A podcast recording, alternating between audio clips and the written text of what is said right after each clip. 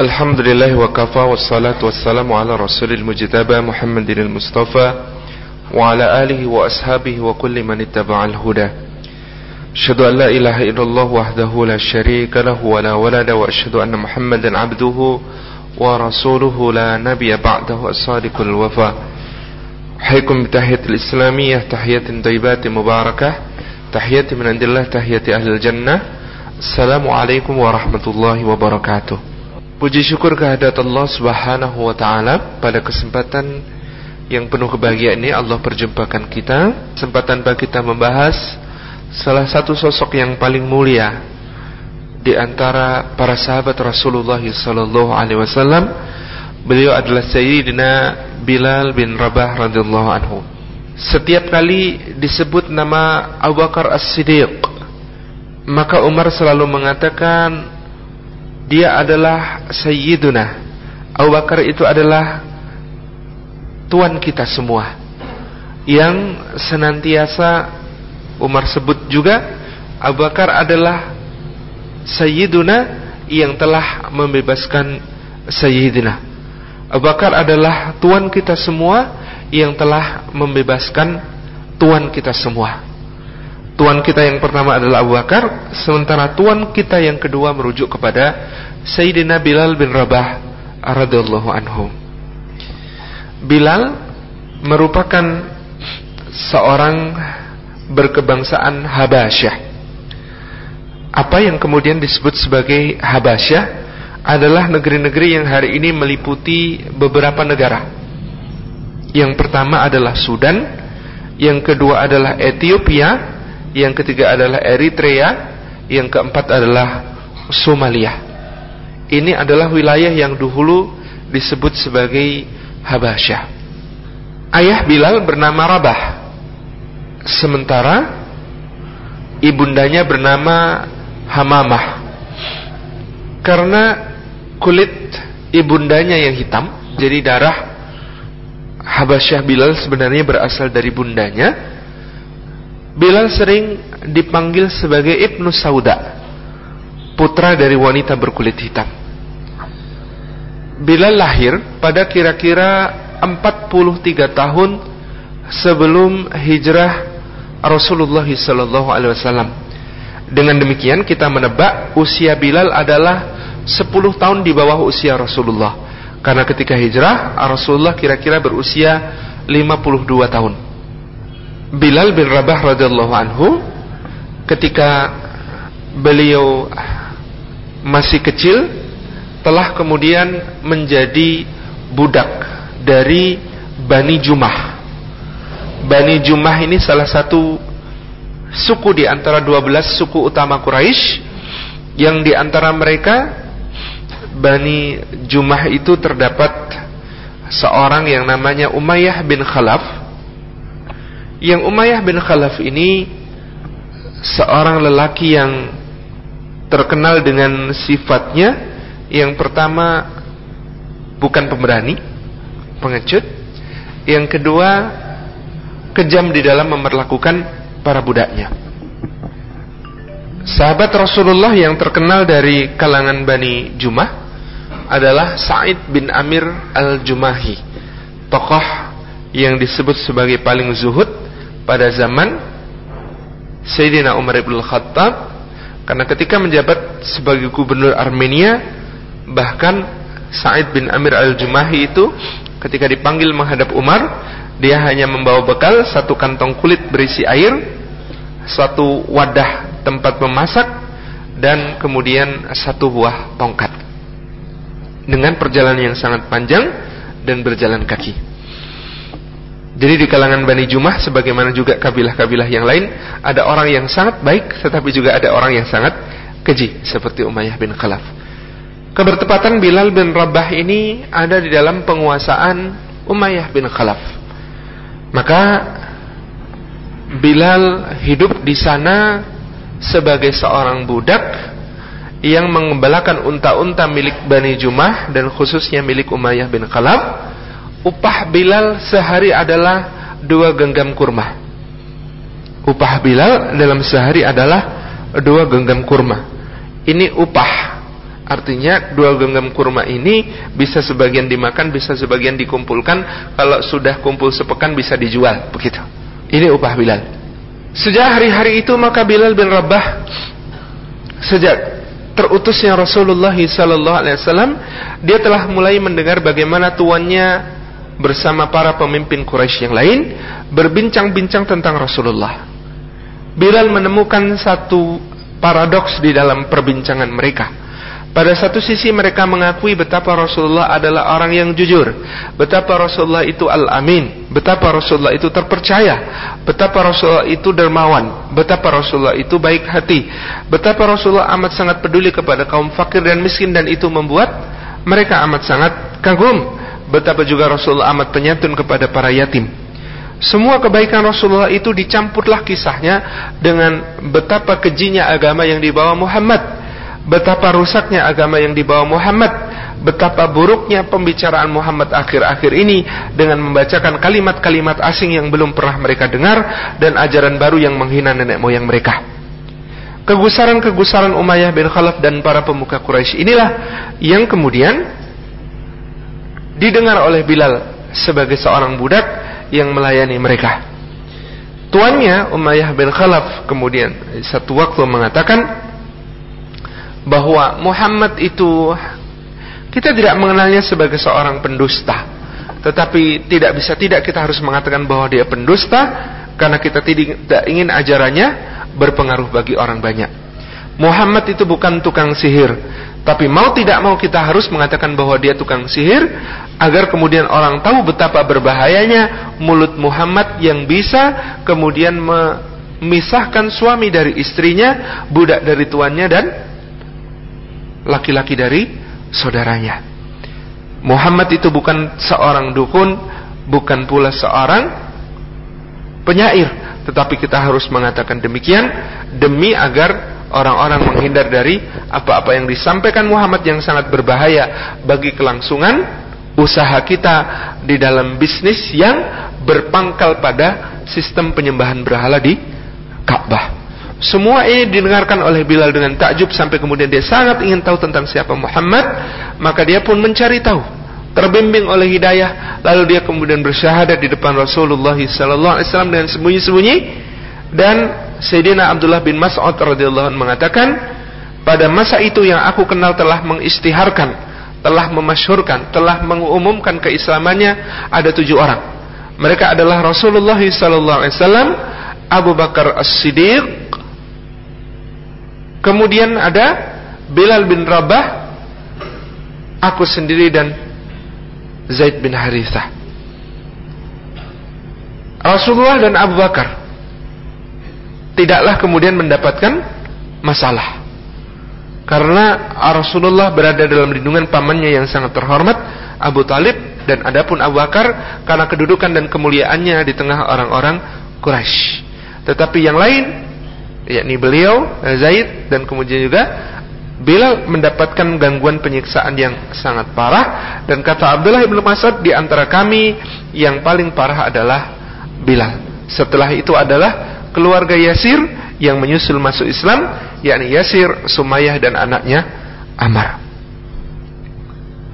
Hadirin hadirat yang dimuliakan oleh Allah Subhanahu wa taala, maka pada saat itulah Bilal kemudian memasuki agama Islam, menjadi orang yang termuliakan. Coba bayangkan kata Khalid Muhammad Khalid di dalam Suarun min Hayatis Sahabah atau Rijal Haular Rasul dalam judul yang lain. Dalam kitab beliau Rijal Haular Rasul Khalid Muhammad Khalid mengatakan coba tanyakan kepada seluruh anak kecil di muka bumi ini di mana kemudian mereka mengenal agama Islam. Terbentang dari Indonesia di bagian timur, Pakistan, India, negara-negara Arab, negara-negara Afrika sampai kemudian ke Maghrib yakni Maroko. Tanyakan kepada anak-anak muslim seluruh dunia, Kenalkah mereka dengan Bilal? Maka semua orang akan menjawab. Semua anak itu akan mengatakan, kami kenal Bilal, dia adalah seorang budak yang kemudian masuk Islam, menjadi mulia di dalam Islam. Dia ketika disiksa hanya mengatakan ahad, ahad, ahad, dan akhirnya menjadi muadzin kesayangan Rasulullah Sallallahu Alaihi Wasallam. Bayangkan kata beliau, seorang budak berkulit hitam yang waktu itu dipandang sangat rendah dengan keislaman yang sangat agung, dengan keimanan yang sangat teguh, menjadi sosok yang begitu mulia dan tidak akan mungkin dilupakan sejarah sepanjang zaman. Namanya menjadi buah tutur yang baik, namanya menjadi satu pembicaraan yang manis di antara semua orang beriman sampai hari kiamat tiba. Andainya bukan karena Islam, maka Bilal adalah seorang budak yang tetap seorang budak, menjalani hidupnya sebagai seorang budak, penuh rutinitas yang kering dan gersang, hanya mengembalakan unta-unta setiap hari sampai dia mati. Dan dunia tidak akan pernah mengenal dia. Tetapi karena keislamannya, karena kemudian keimanannya kepada Allah Subhanahu wa taala, jadilah dia buah tutur yang baik, menjadi guru bagi alam semesta tentang bahwa Seseorang diwajibkan di dalam agama ini untuk istiqamah. Seseorang diwajibkan di dalam agama ini untuk teguh. Seorang diwajibkan di dalam agama ini untuk kemudian beriman kepada Allah tanpa tergeming oleh tawaran maupun siksaan dalam bentuk apa pun. Lalu dengan itu Islam memuliakan seorang budak berkulit hitam yang bernama Bilal ini sehingga menjadi buah tutur yang baik sepanjang zaman. Demikian pula Bilal telah menjadi bukti di dalam Islam betapa kemudian Rasulullah sallallahu alaihi wasallam mengatakan kullu insanin min Adam. Setiap manusia berasal dari Adam. Wa Adamu min turab dan Adam berasal dari tanah. Tidak ada kemuliaan orang Arab atas orang ajam kecuali dengan takwa. Dan Bilal telah menunjukkan bahwa dengan ketakwanya kepada Allah Subhanahu wa taala dia menjadi sosok yang mulia sepanjang zaman melampaui bahkan orang-orang Arab yang sezaman dengan dia. Melampaui bahkan para bangsawan Arab yang masuk Islam belakangan dibanding dia. Melampaui nama-nama besar yang lain yang kemudian dikenal oleh Islam.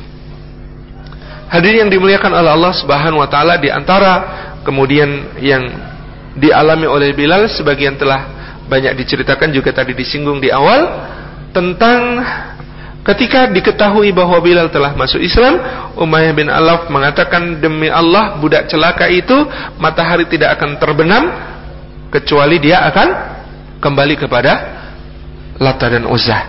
Maka kemudian dia menyiksa Bilal dalam satu riwayat dikatakan Bilal kemudian ditarik dengan paksa dari dalam kota Makkah pada siang terik yang sangat panas melewati pasir yang membara ke tengah padang yang lebih gersang di sana tangan dan kakinya diikat di tiang-tiang pancang, ke atas tubuhnya ditindihkan batu yang sangat besar dan membara, pasir di bawahnya menggelegak terkena sengatan panas matahari dan dia pun oleh Umayyah bin Khalaf dan kawan-kawannya dari Bani Jumah dicambuki dengan cambukan-cambukan yang sangat keras sampai koyak kulit dan dagingnya. Sebagian mengatakan sebagian dari kulit di punggung Bilal itu pecah-pecah dan kemudian berhamburan melepuh ketika disiksa. Luar biasa penyiksaan yang mereka lakukan dengan terus memaksakan Hai Bilal, katakan bahwa kau beriman kepada Lata dan Uzza. Kata Bilal, aku tidak mendengar itu. Katakan bahwasanya kau kembali kepada Lata dan Uzza maka kau selamat. Kata Bilal aku tidak bisa mengatakannya. Dan Bilal terus saja mengucapkan ahad ahad ahad.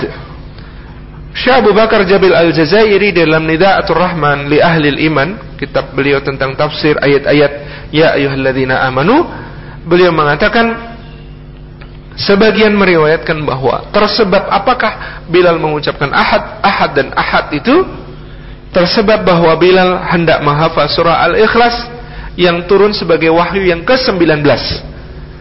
Jadi surah Al-Ikhlas adalah wahyu yang turun pada urutan ke-19 dari rangkaian ayat-ayat yang turun kepada Rasulullah SAW dan Bilal berupaya untuk kemudian menghafalkannya. Tetapi dia belum mampu menghafalkannya. Yang teringat olehnya hanya kata ahad, ahad dan ahad itu. Yang teringat olehnya hanya kata ahad, ahad dan ahad itu. Maka dalam hal ini mungkin Anda dibandingkan Bilal jauh lebih hebat Anda. Karena Anda sudah menghafal surah Al-Ikhlas mungkin sejak sebelum masuk ke TK. Tetapi apakah surah Al-Ikhlas yang kita hafal memberikan kekuatan sebagaimana kata ahad yang kemudian dilafalkan oleh Bilal? Bilal mengucapkan kata ahad dengan sepenuh keyakinan. Ketika dia kemudian berada dalam cambukan-cambukan siksaan-siksaan panas terik yang kemudian amat sangat membakar, pasir membara yang menggosongkan dan tindihan batu yang sangat keras itu, dia kemudian mengatakan ahad, ahad dan ahad yang kata ahad itu memberikan kekuatan dia untuk terus bertahan, tidak bergeming oleh tawaran-tawaran orang-orang Bani Jumah itu. Seharian penuh mereka menyiksanya, seharian penuh mereka kelelahan. Sehingga ketika mereka lelah, mereka duduk-duduk di antara sesama mereka kemudian mengatakan demi Allah, aku lelah mengajar budak ini. Aku lelah menyiksa budak ini. Sehingga mereka gantian satu sama lain. Terus menerus mereka menyiksa Bilal dan Bilal terus mengatakan ahad, ahad, ahad tanpa henti terus dengan keistiqomahan yang luar biasa sampai pada hari itu matahari pun terbenam dan mereka beristirahat sementara Bilal diikat di luar rumah dibiarkan telanjang dan kedinginan karena cuaca yang sangat ekstrim, amplitudo suhu harian yang sangat tinggi, pada siang hari amat sangat panas sedangkan pada malam hari amat sangat dingin. Ketika itulah rahimakumullah pada pagi harinya maka mereka sudah bersiap-siap untuk menyiksa Bilal kembali, meletakkannya di dalam siksaan sebagaimana yang mereka lakukan kemarin. Beberapa pukulan telah mereka daratkan. Umayyah bin Khalaf menonjoknya dengan tonjokan yang amat sangat keras sampai kemudian bibirnya pecah dan giginya rompal. Amat sangat menyakitkan semua siksaan itu sampai kemudian tiba-tiba datanglah As-Siddiq radhiyallahu anhu mengatakan Apakah kalian hanya membunuh orang hanya karena dia mengatakan Rabbku adalah Allah?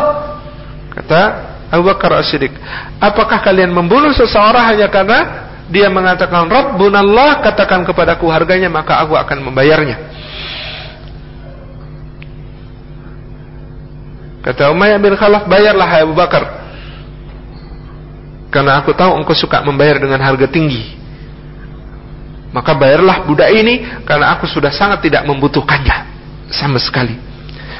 Putus asa Umayyah bin Khalaf karena siksaannya tidak mempan kepada Bilal dan dia melihat kata ahad itu telah memberikan kekuatan yang luar biasa kepada Bilal. Seakan-akan dengan kata ahad itu cambukan-cambukannya, siksaan-siksaannya, panasnya terik mentari dan semua lara yang kemudian diberikan kepada Bilal tidak ada artinya. Seakan-akan dengan kata ahad itu betapa dekat Bilal kepada Allah Subhanahu wa taala. Seakan-akan dengan kata ahad itu telah tertampil di wajah Bilal satu gambaran tentang surga. Betapa sementaranya hidup di dunia dan kalau dia mati dia akan memasuki sebuah tempat yang sangat indah, yang sangat mulia, yang berwarna hijau yang penuh dengan pohon-pohonan yang buah-buahannya dekat, yang di sana dia akan memakai sutra yang tebal yang hijau. Di sana dia akan melihat bahwa mengalir di bawahnya sungai-sungai. Di sana dia akan melihat betapa pelayan hirmudik untuk menyampaikan hidangan. Di sana dia akan melihat betapa kemudian surga itu dipenuhi dengan kenikmatan-kenikmatan suci yang sangat agung dan indah. Seakan-akan dengan kata ahad itu telah tertampil surga itu. Telah hadir surga itu kepada Bilal tanpa menunggu kematiannya dengan begitu indahnya sehingga kemudian Bilal begitu kuat. Maka ketika mengatakan bayar, aku akan bayar Bilal ini. Berapa harga yang kau kendaki?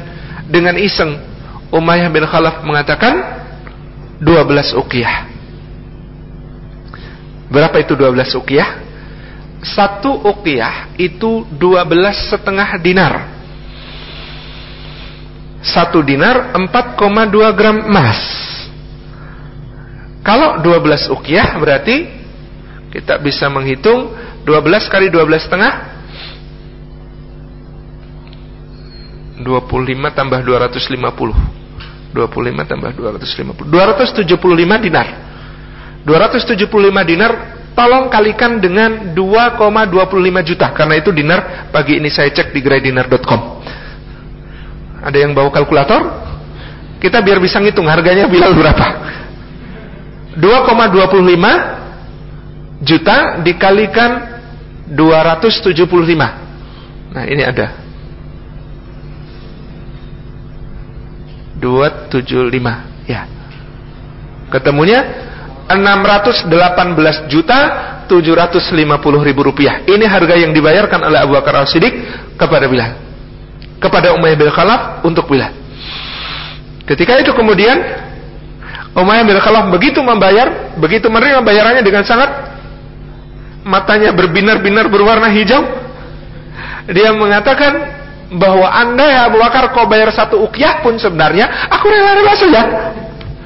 Jadi maksudnya maksudnya Umayyah adalah untuk membuat hati Abu Bakar kecewa. Apa kata dia?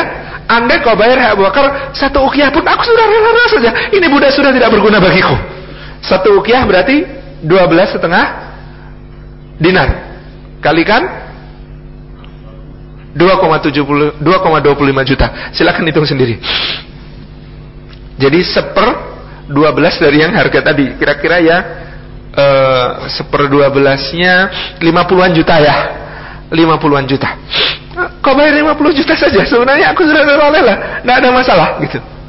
Tapi apa yang dikatakan Asyidik Abu Bakar Demi Allah walaupun kau naikkan harganya menjadi 100 ukiah Akan aku bayar 100 ukiah Dikira tidak mampu apa gitu Dikata Abu Bakar Anda pun kau naikkan harganya menjadi 100 ukiah Berarti berapa? 1250 dinar Allahu Akbar Berapa itu tadi? 1250 dinar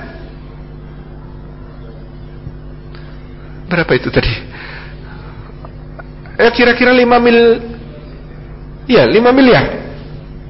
Anda pun kau naikkan harganya jadi 100 ukiah 600 kalikan 6 ya. 600 kalikan kok kalikan 6 Kalikan 8 lebih sekian Berarti ya Sekitar 5 betul. 5 miliar Andai kan kau naikkan harganya jadi 100 ukiah pun pasti akan aku bayar segitu. Maka melongolah Umayyah bin Khalaf, "Hah? Kok tadi tidak ku hargai segitu ya?" gitu. Kecewa dia. Inilah yang kemudian ditanamkan oleh Abu Bakar Asyrik di dalam hati mereka bahwa hati mereka telah mendapatkan siksa karena kemudian Abu Bakar telah membebaskan Bilal dengan harga 12 ukiyah emas yang dikatakan oleh As-Siddiq andai kau pun berikan harga 100 ukiyah sekalipun akan aku bayar. Rasulullah wasallam mengetahui bahwa As-Siddiq membayar dengan 12 ukiyah maka kata Rasulullah ya Abu Bakar mari kita berbagi. Kau enam aku enam kata Rasulullah. Ya Rasulullah cukuplah. Aku sudah membebaskan Bilal. Jangan kau ungkit lagi kata Abu Bakar. Jadi Rasulullah itu tahu tentang sahabatnya dan beliau juga berusaha untuk bisa menanggung bebannya. Maka beliau mengatakan, "Hai Abu Bakar, bagaimana kalau kita berbagi? Kau enam, aku enam." Dari dua belas ukiah itu.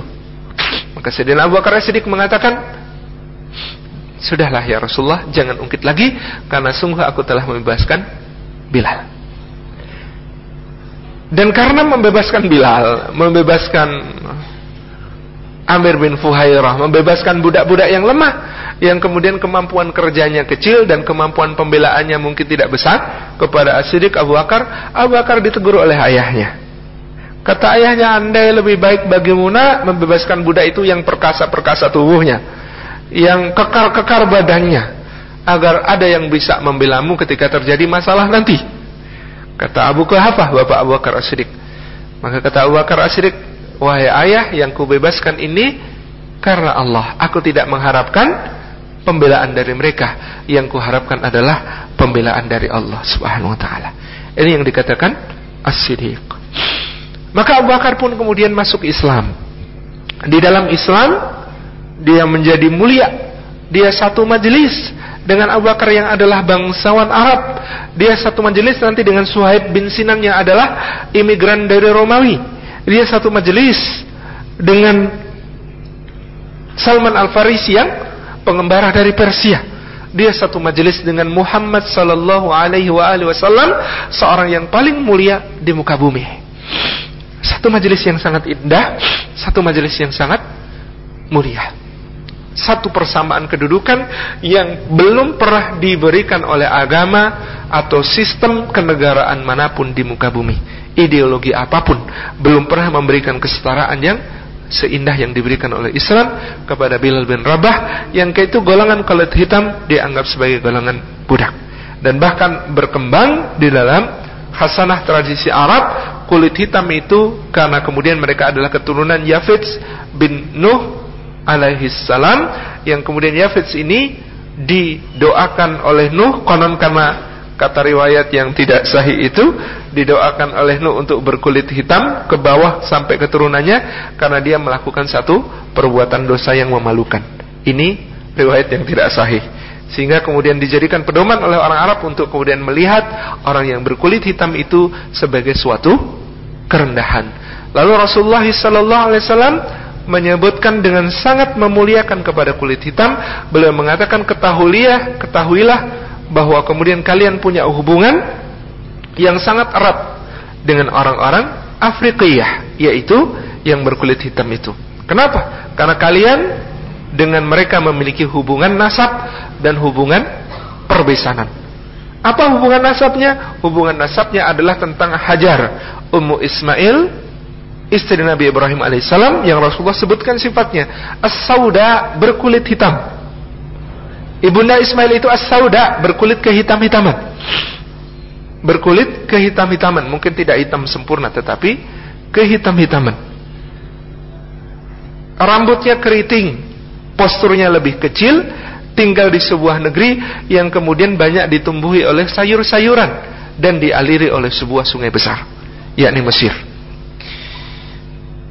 Sementara hubungan perbesanan maksud Rasulullah adalah Maria al-Qibtiyah wanita Mesir yang kemudian uh, menjadi istri beliau sallallahu alaihi wasallam juga berasal dari bangsa yang kemudian asal keturunannya adalah orang-orang yang sauda, berkulit kehitam-hitaman.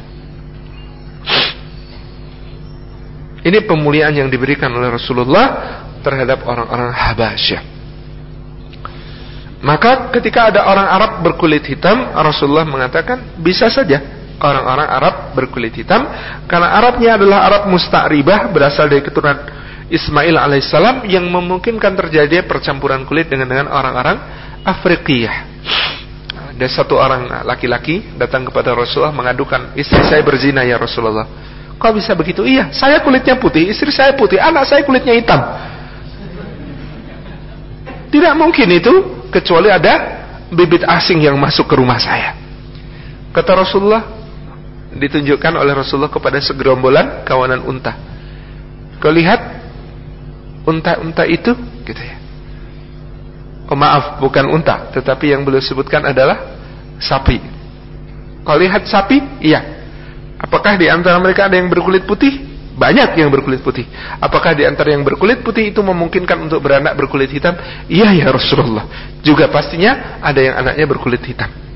Maka Rasulullah kemudian mengatakan kepada orang ini, maka demikian pula lah orang-orang Arab itu berasal dari satu keturunan yang dahulunya juga memiliki sumber nenek moyang berkulit hitam maka memungkinkan saja anakmu itu berkulit hitam meskipun engkau putih dan istrimu putih ini yang disebutkan oleh Rasulullah Sallallahu Alaihi Wasallam. Ini sifat yang selama ini resesif kemudian tiba-tiba muncul. Itu sangat memungkinkan. Hari yang dimuliakan oleh Allah Subhanahu Wa Taala tentang Bilal bin Rabah di dalam keislamannya yang mulia. Maka Bilal ikut hijrah bersama Rasulullah Sallallahu Alaihi Wasallam ke Madinah. Ketika berada di Madinah maka Bilal dipersaudarakan oleh Rasulullah dengan Abu Bakar As-Siddiq dan Amir bin Buhairah ini luar biasanya Rasulullah di dalam mempersaudarakan kaum muhajirin. Jadi ta'akhuh yang dilakukan di Madinah, pemersaudaraan yang dilakukan Rasul di Madinah itu dua proses. Yang pertama ta'akhuh antar muhajirin, pemersaudaraan di antara sesama muhajirin, baru kemudian pemersaudaraan antara muhajirin dengan ansar. Ketika ta'akhah di antara sesama muhajirin, Rasulullah SAW itu mempersaudarakan orang-orang yang kemudian kadang-kadang berasal dari status sosial yang berbeda. Maka demi mengingat betapa agungnya keislaman yang telah mempersatukan mereka, Rasulullah bahkan kemudian mempersaudarakan Abu Bakar As-Siddiq itu dengan dua mantan budak yang dulu dibebaskannya, yaitu Bilal bin Rabah dan Amir bin Fuhairah.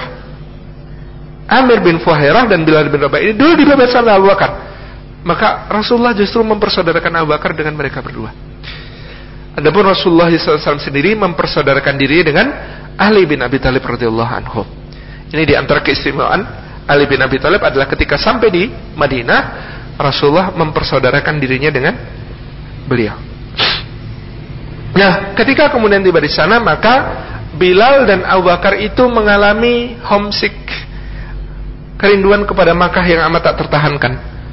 Begitu masuk ke Madinah, mereka sakit, demam. Menempati tempat baru itu mereka demam, sakit.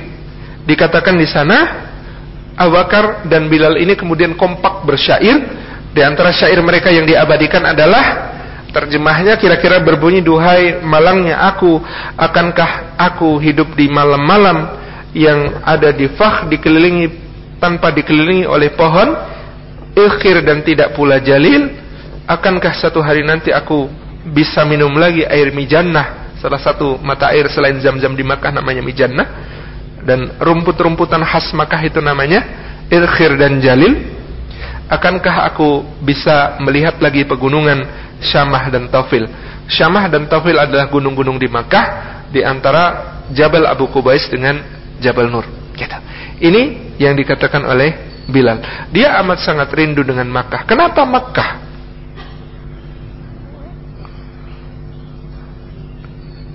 Kalau anda sudah terlanjur mencintai Yogyakarta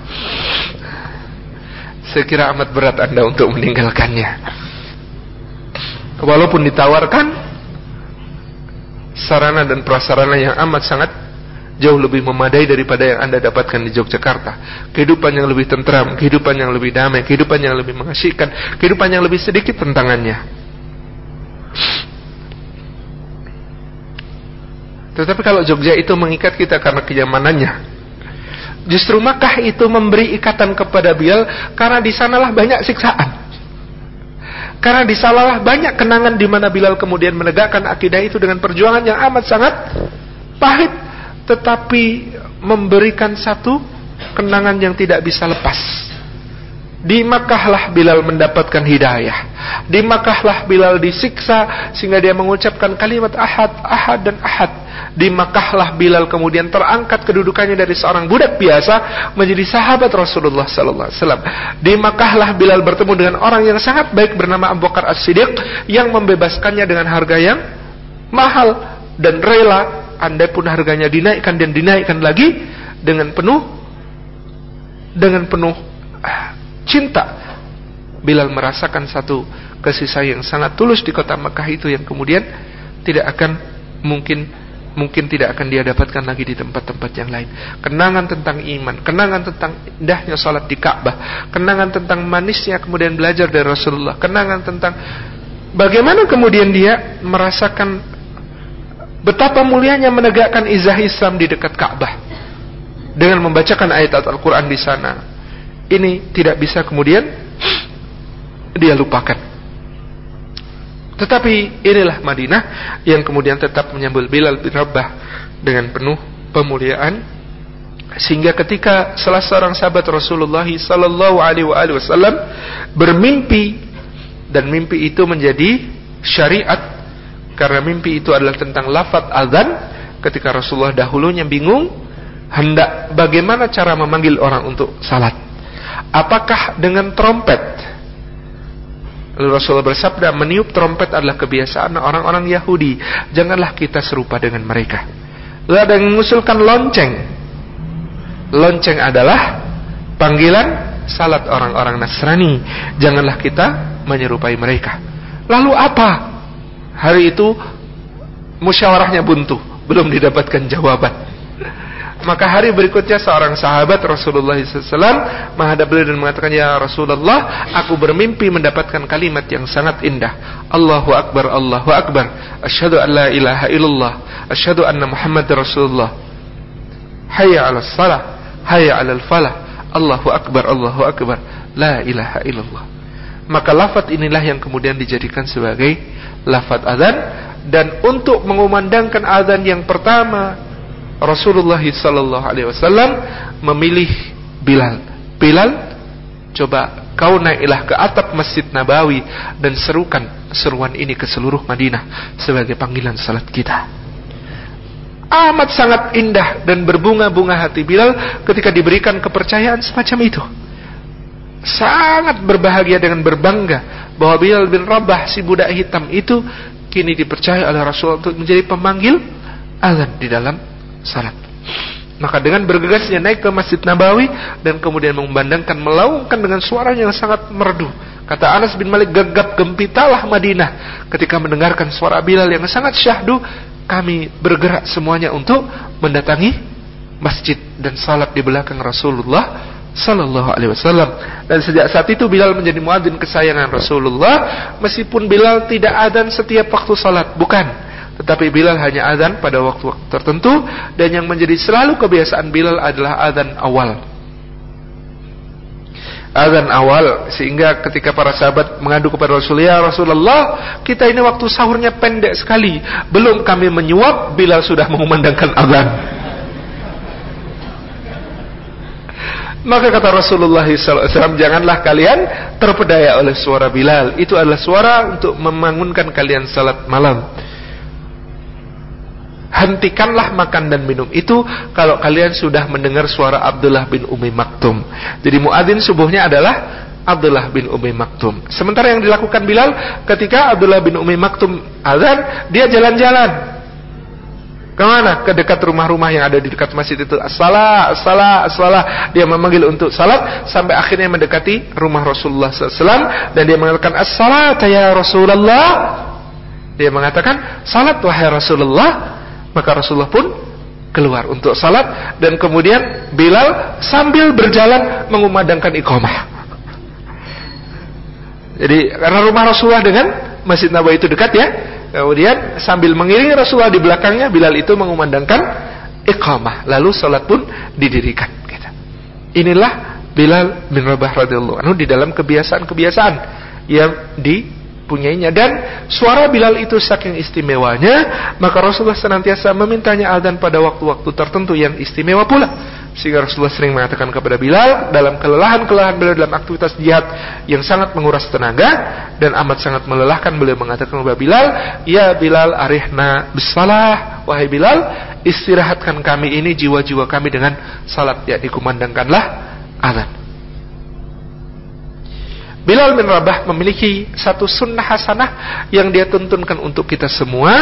Ketika Rasulullah Sallallahu Alaihi Wasallam bersabda kepada Bilal, Ya Bilal, aku mendengar suara terompah di surga, maka aku bertanya siapakah itu dan ada jawaban itu adalah engkau.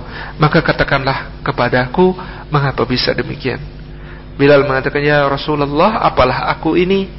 Demi Allah, hanyalah kebiasaanku, aku senantiasa menjaga wudhuku dan tidak ingin berada dalam keadaan hadas. Jadi setiap kali berhadas, Bilal selalu wudhu dan ketika berwudhu kata Bilal maka setiap kali aku berwudhu aku ingat akan haknya Allah Subhanahu Wa Taala untuk diesakan dan diibadahi maka setiap kali saya habis wudhu aku senantiasa salat dua rakaat. Ini yang dikatakan Sayyidina Bilal menjadi sunnah hasanah bagi kita sampai zaman ini yaitu sunnah salat yang dinamakan sebagai salat syukur wudhu. Ini adalah dua rakaat yang kemudian kita tunaikan setelah wudhu secara mutlak dalam waktu apa pun.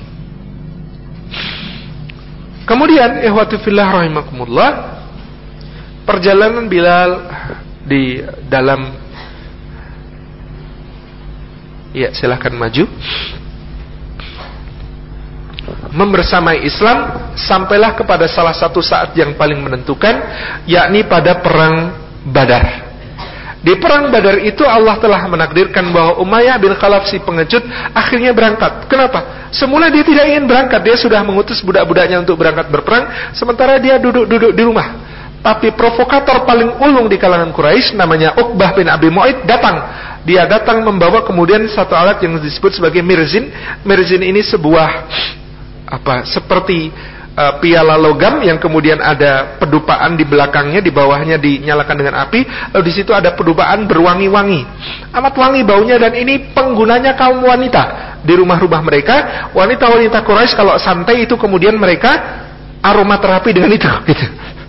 Jadi mereka aromaterapi kemudian mengharumkan tubuhnya dengan pedupaan semacam itu. Nah, si Uqbah bin Abi Mu'ad ini Kemudian datang ke rumah Umayyah bin Khalaf, membawa mirzin ini kemudian diletakkan di hadapan Umayyah bin Khalaf. Silahkan Umayyah bin Khalaf, duduklah di sini dan jangan pergi, dasar wanita gitu. Maka kata Umayyah bin Khalaf, apa ini yang kau bawa? Kurang ajar gitu. Ini Mirzin, kan memang kau duduk-duduk di saja di rumah. Dasar tidak berani berperang, dasar wanita.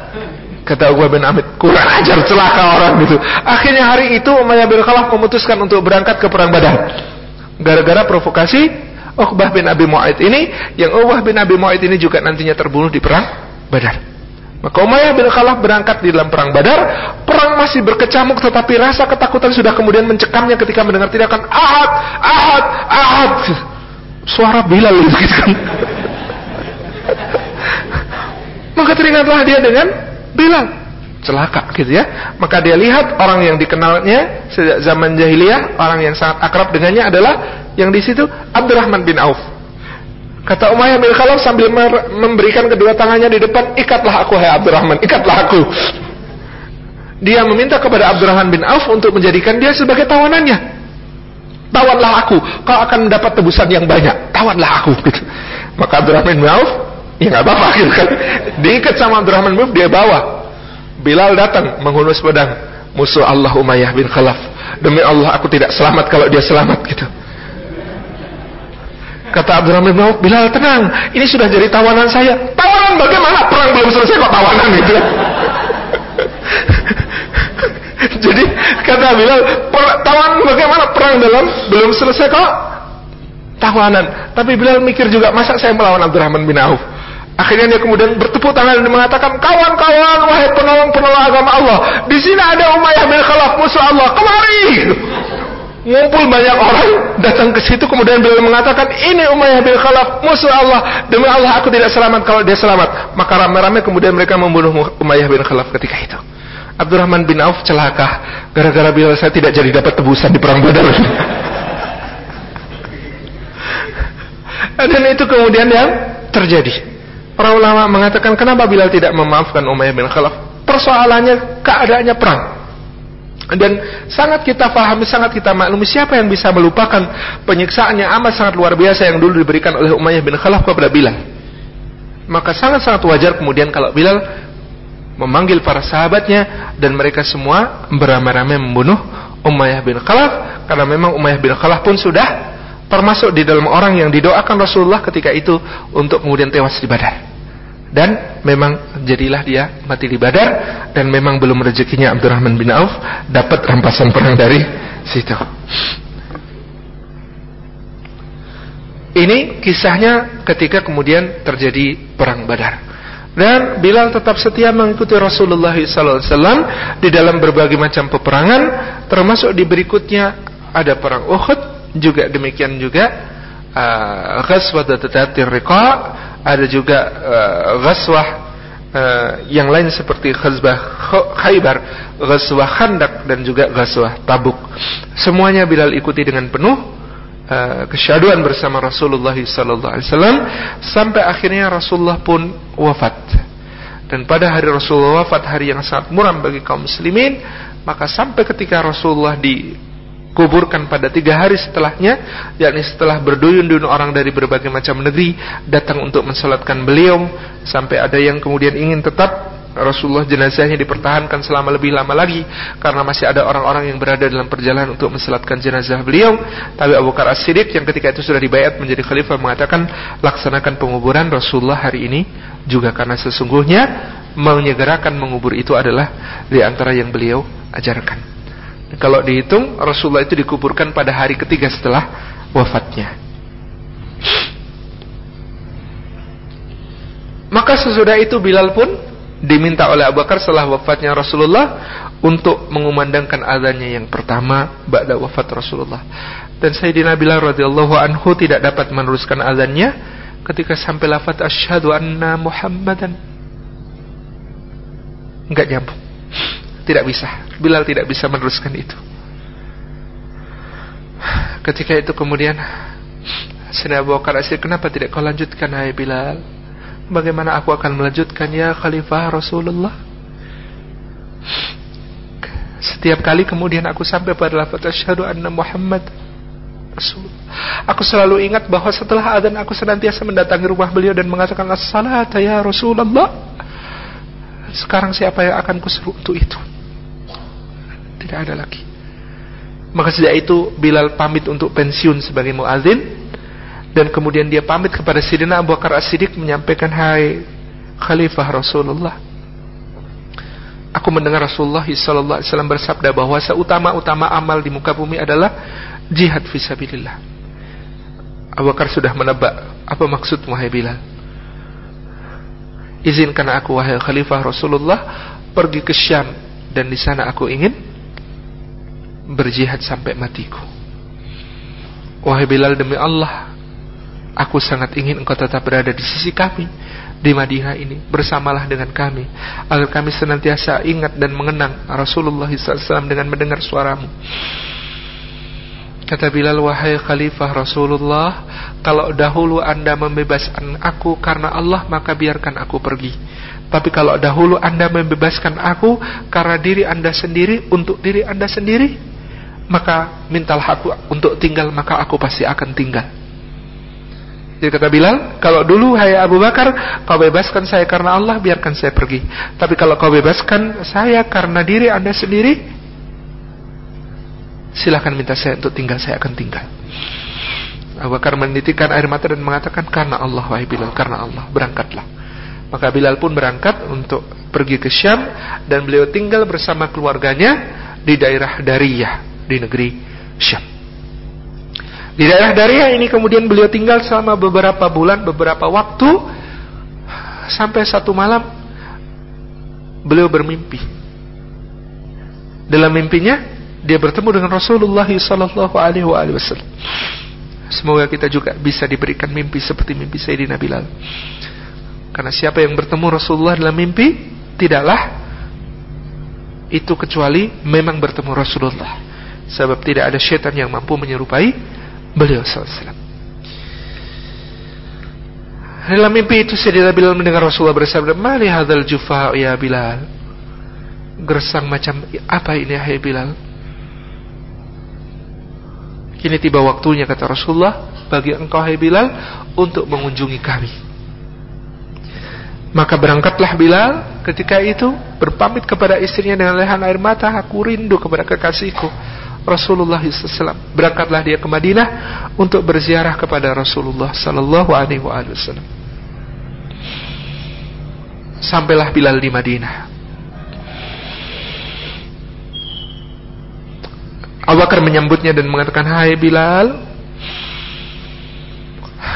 mohon agar engkau kemudian melaungkan azan untuk kami, sebagaimana kau laungkan dulu untuk Rasulullah Sallallahu Alaihi Wasallam.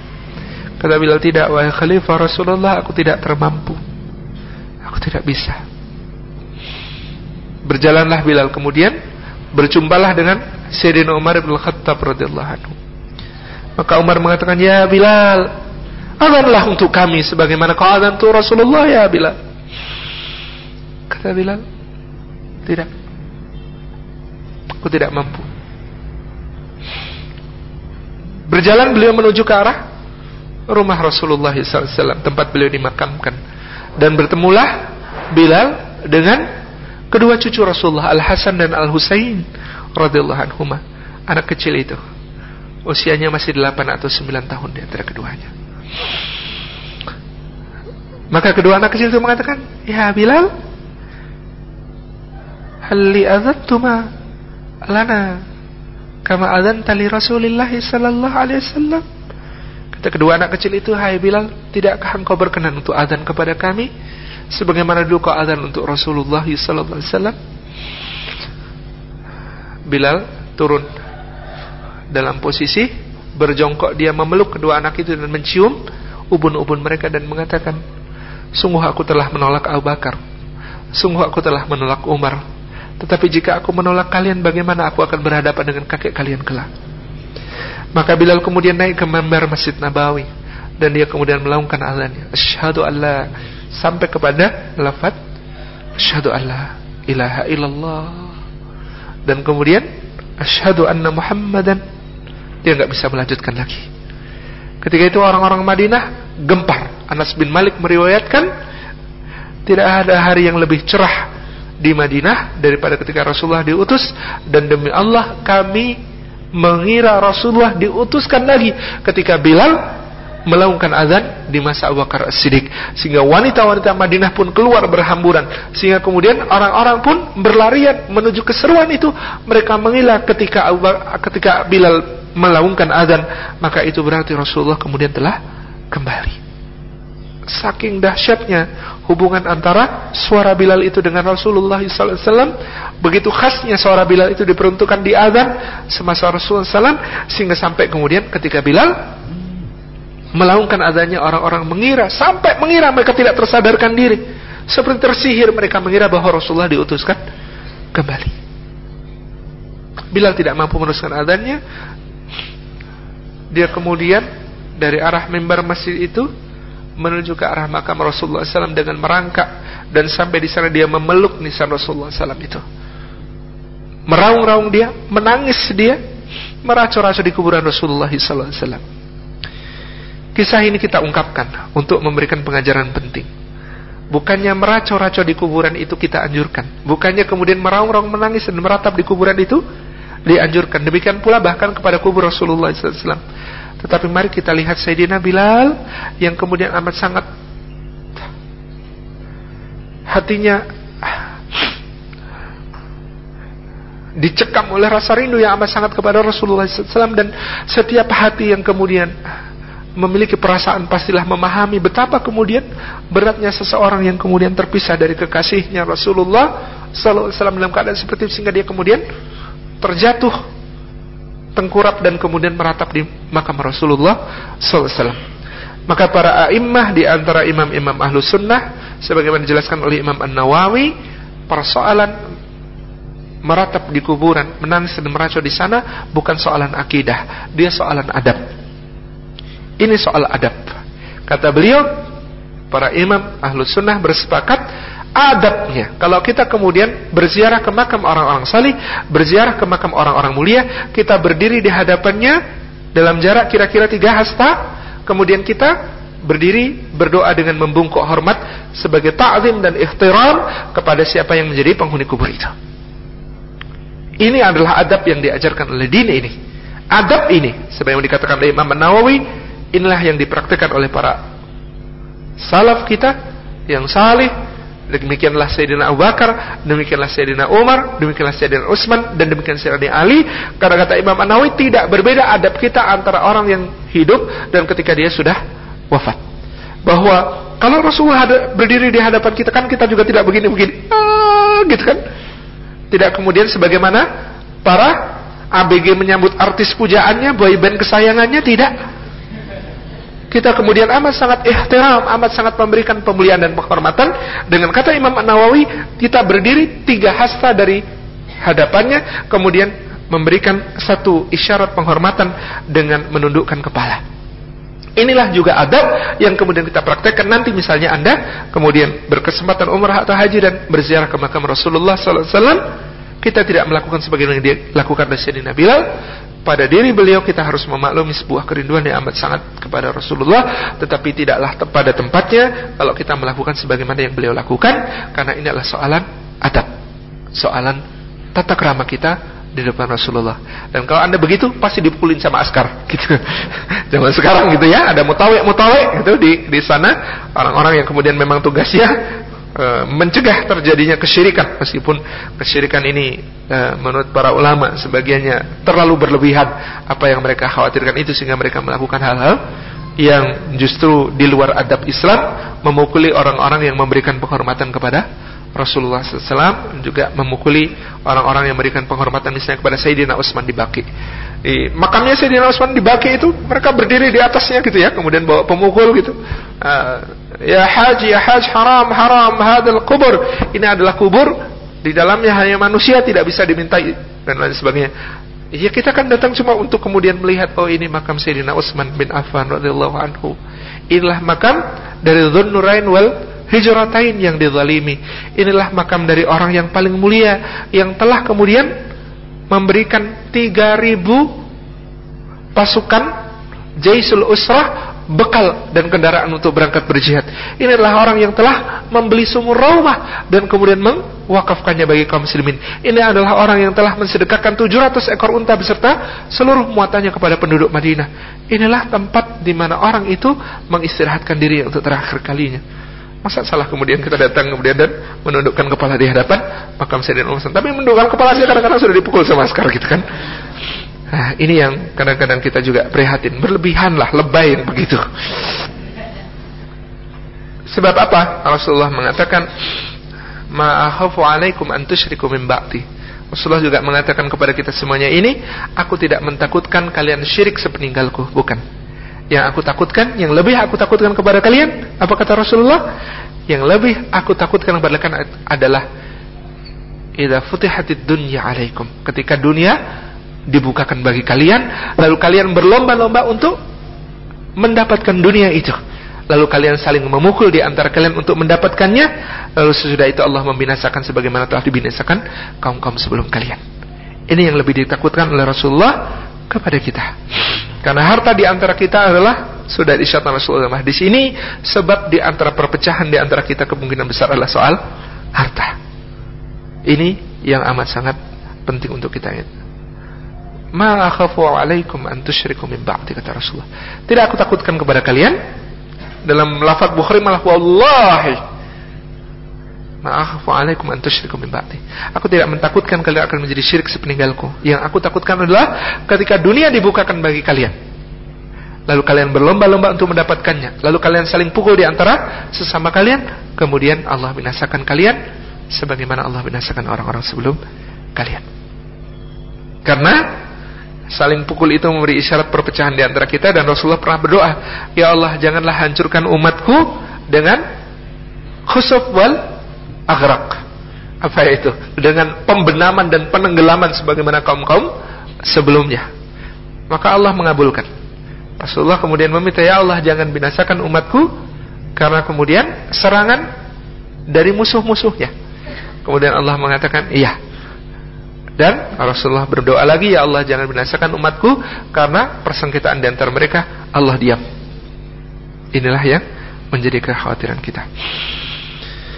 Sayyidina Bilal radhiyallahu anhu lalu berangkat kembali ke Syam, kembali dia ke Daria dan di sana berjihad di jalan Allah sampai dibukakan Jerusalem Al-Quds Baitul Muqaddas pada masa Sayyidina Umar bin Khattab, maka Sayyidina Umar pun berangkat untuk menerima kunci kota Al-Quds Jerusalem dari patriarch dari uh, uskup agung di kota Jerusalem ketika itu yang namanya Sophronius. Maka datanglah Sayyidina Umar dan di antara yang menyambut beliau adalah Sayyidina Bilal bin Rabah. Maka Sayyidina Bilal bin Rabah senantiasa disebut oleh Sayyidina Umar, ini adalah tuan kami yang dibebaskan oleh tuan kami.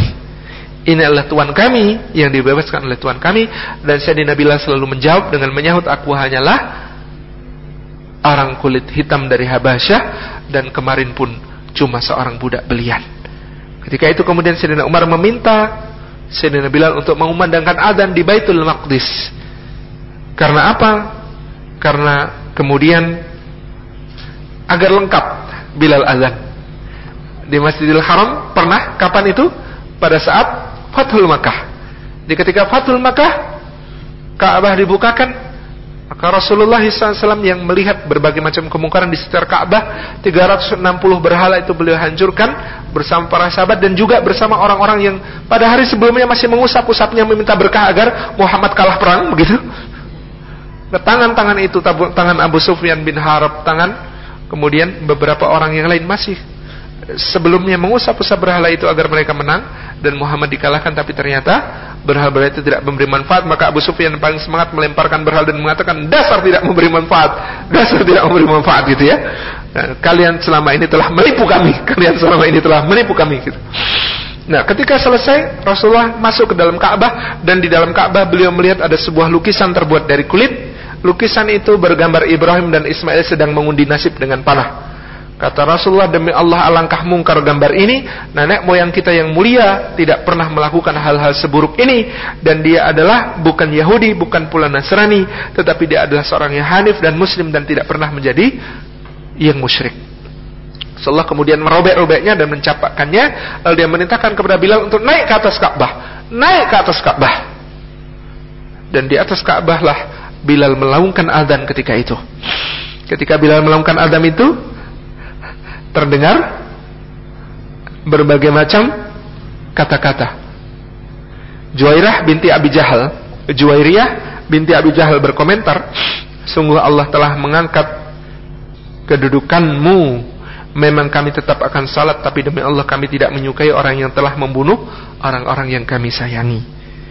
Demikian ketika itu Attab bin Usaid berkata, demi Allah, Allah telah memuliakan Usaid, yakni bapakku. Dia tidak melihat saat ini ketika budak Bani Jumah naik ke atas Ka'bah. Demi Allah, Allah telah memuliakan Usaid ketika dia tidak mem me melihat budak Bani Jumah ini naik ke atas Ka'bah. Kemudian Al-Haris bin Hisham mengatakan sungguh malang nasibku. Mengapa aku tidak mati saja sebelum ini? Alangkah hidahnya hari ini ketika budak Bani Jum'ah naik ke atas Ka'bah. Gitu. Kemudian Al-Hakam bin Abdul As mengatakan demi Allah ini musibah yang sangat besar. Seorang budak dari Bani Jum'ah bersuara di atas bangunan suci ini. Ka'bah yaitu. Nah, Abu Sufyan bin Harb di situ dengar orang-orang itu ngomong, maka Abu Sufyan mengatakan, "Apa kau?" katanya. Yang lain bertanya, "Demi Allah, aku tidak akan mengatakan sesuatu apa pun karena pasti kerikil-kerikil ini akan memberitahukan kepada Muhammad tentang apa yang akan aku katakan." gitu. Jadi kata Abu Sufyan, demi Allah aku tidak akan mengatakan apa pun karena kerikil-kerikil ini pasti akan memberitahukan kepada Muhammad apa yang aku katakan.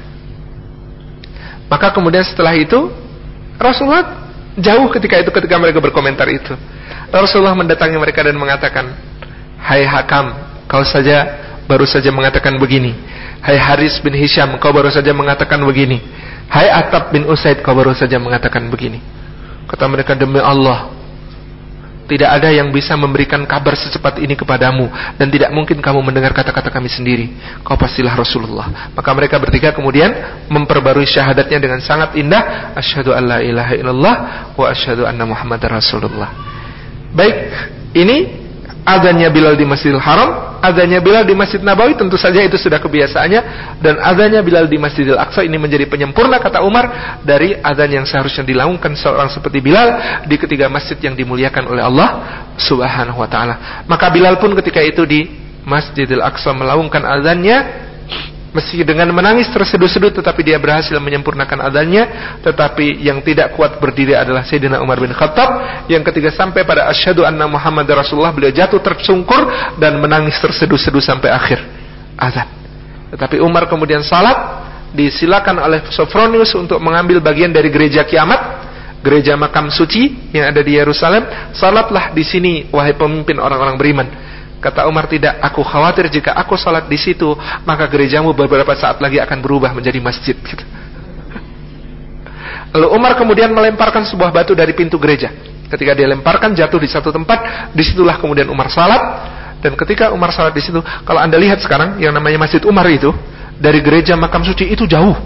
Berarti lemparannya Umar itu luar biasa gitu kita menemukan satu bukti lagi tentang perkasanya Sayyidina Umar bin Khattab karena kemudian lemparan beliau itu dari gereja makam suci sampai ke sekarang ke tempat yang dinamakan Masjid Umar yang ada di dekat Masjidil Aqsa. Dan itu itu yang kemudian jadi tempat salatnya Umar bersama kaum muslimin ketika itu, maka kita bisa menebak alangkah hebatnya Umar yang melemparkan batu dari pintu gereja makam suci sampai ke tempat yang sekarang dinamakan sebagai Masjid Umar yang kemudian menjadi tempat salat Sayyidina Umar bin Khattab. Ini yang kemudian kita lihat dalam riwayat itu. Sayyidina Bilal tetap hidup di Syam dan beliau wafat di Damaskus pada kira-kira menurut satu pendapat tahun 20 Hijriah atau menurut pendapat yang pada tahun 23 Hijriah. Wallahu alam bisawab dengan demikian usia beliau ketika wafat kira-kira beliau berusia 66 atau 63 tahun. Wallahu alam bisawab. Demikian mudah-mudahan bermanfaat. Saya cukupkan. Wallahu muwaffiq. Assalamualaikum warahmatullahi wabarakatuh.